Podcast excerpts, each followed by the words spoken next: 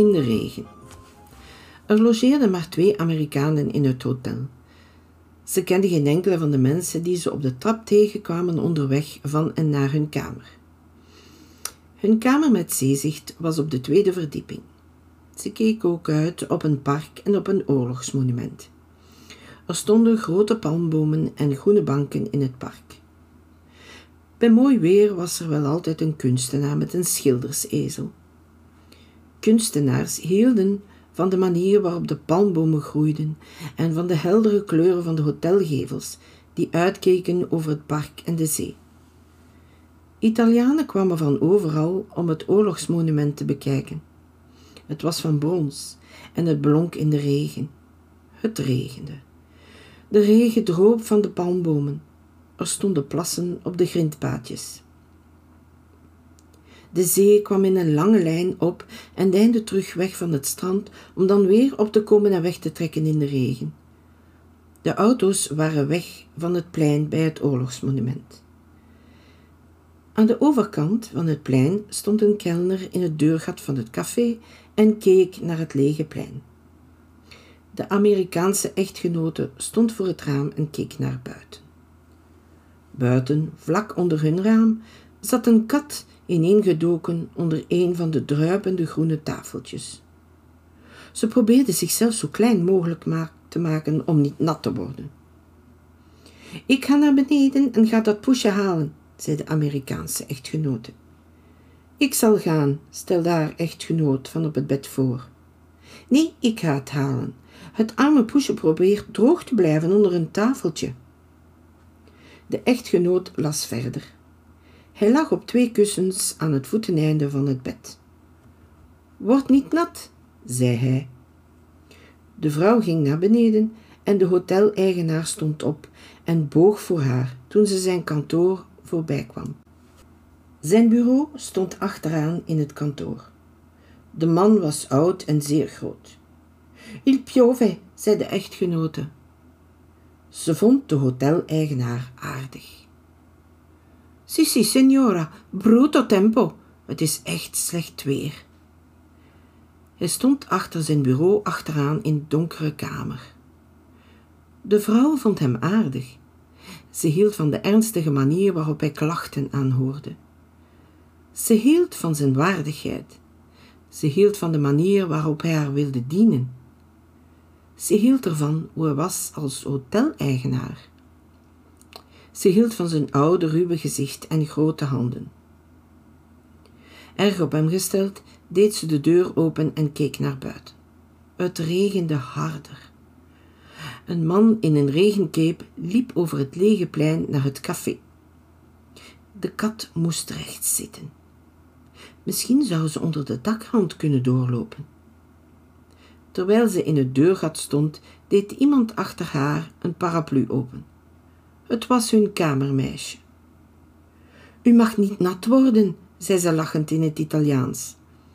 Natuurlijk had de hoteleigenaar haar gestuurd.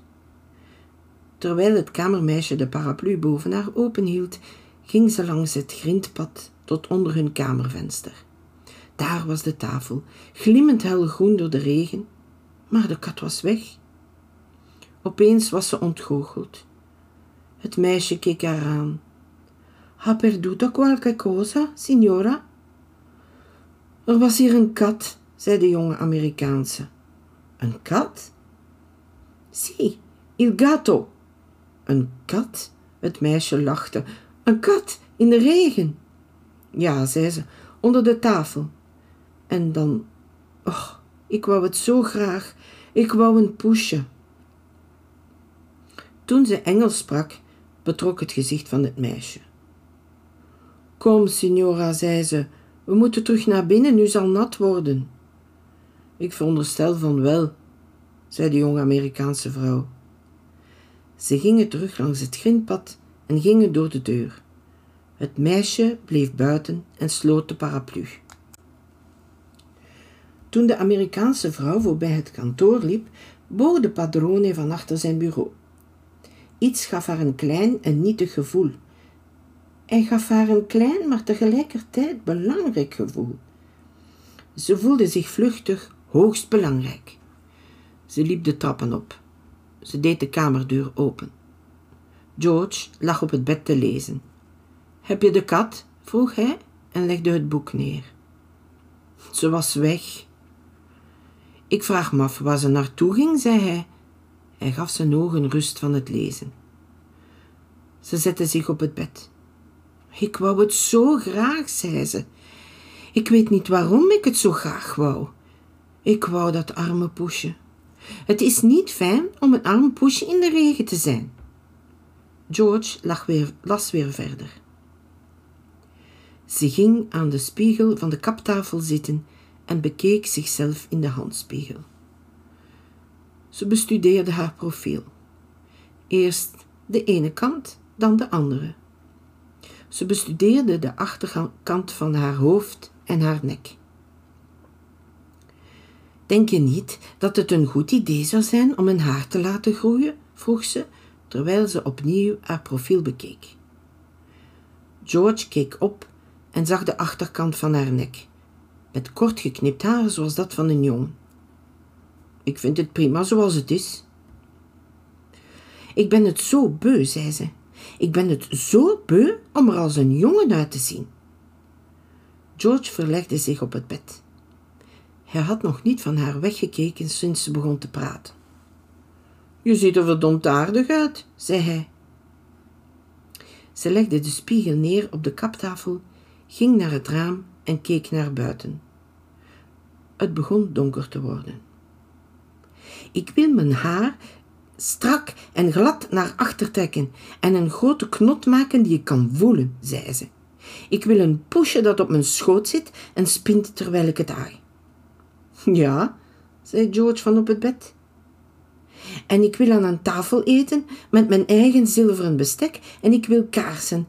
En ik wil dat het lente is en ik wil mijn haar uitborstelen voor de spiegel en ik wil een poesje en ik wil nieuwe kleren. Och, zwijg en lees wat, zei George. Hij las weer verder. Zijn vrouw keek uit het raam. Het was aardig donker nu en het regende nog altijd op de palmbomen. In elk geval wil ik een kat, zei ze. Ik wil een kat, ik wil nu een kat. Als ik geen lang haar of plezier mag hebben, dan wil ik wel een kat hebben. George luisterde niet.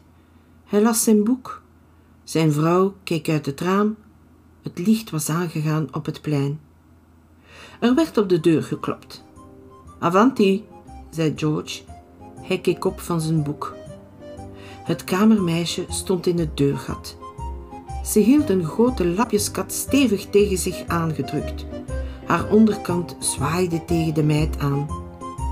Excuseer, zei ze. De padrone vroeg me om dit aan de signora te geven.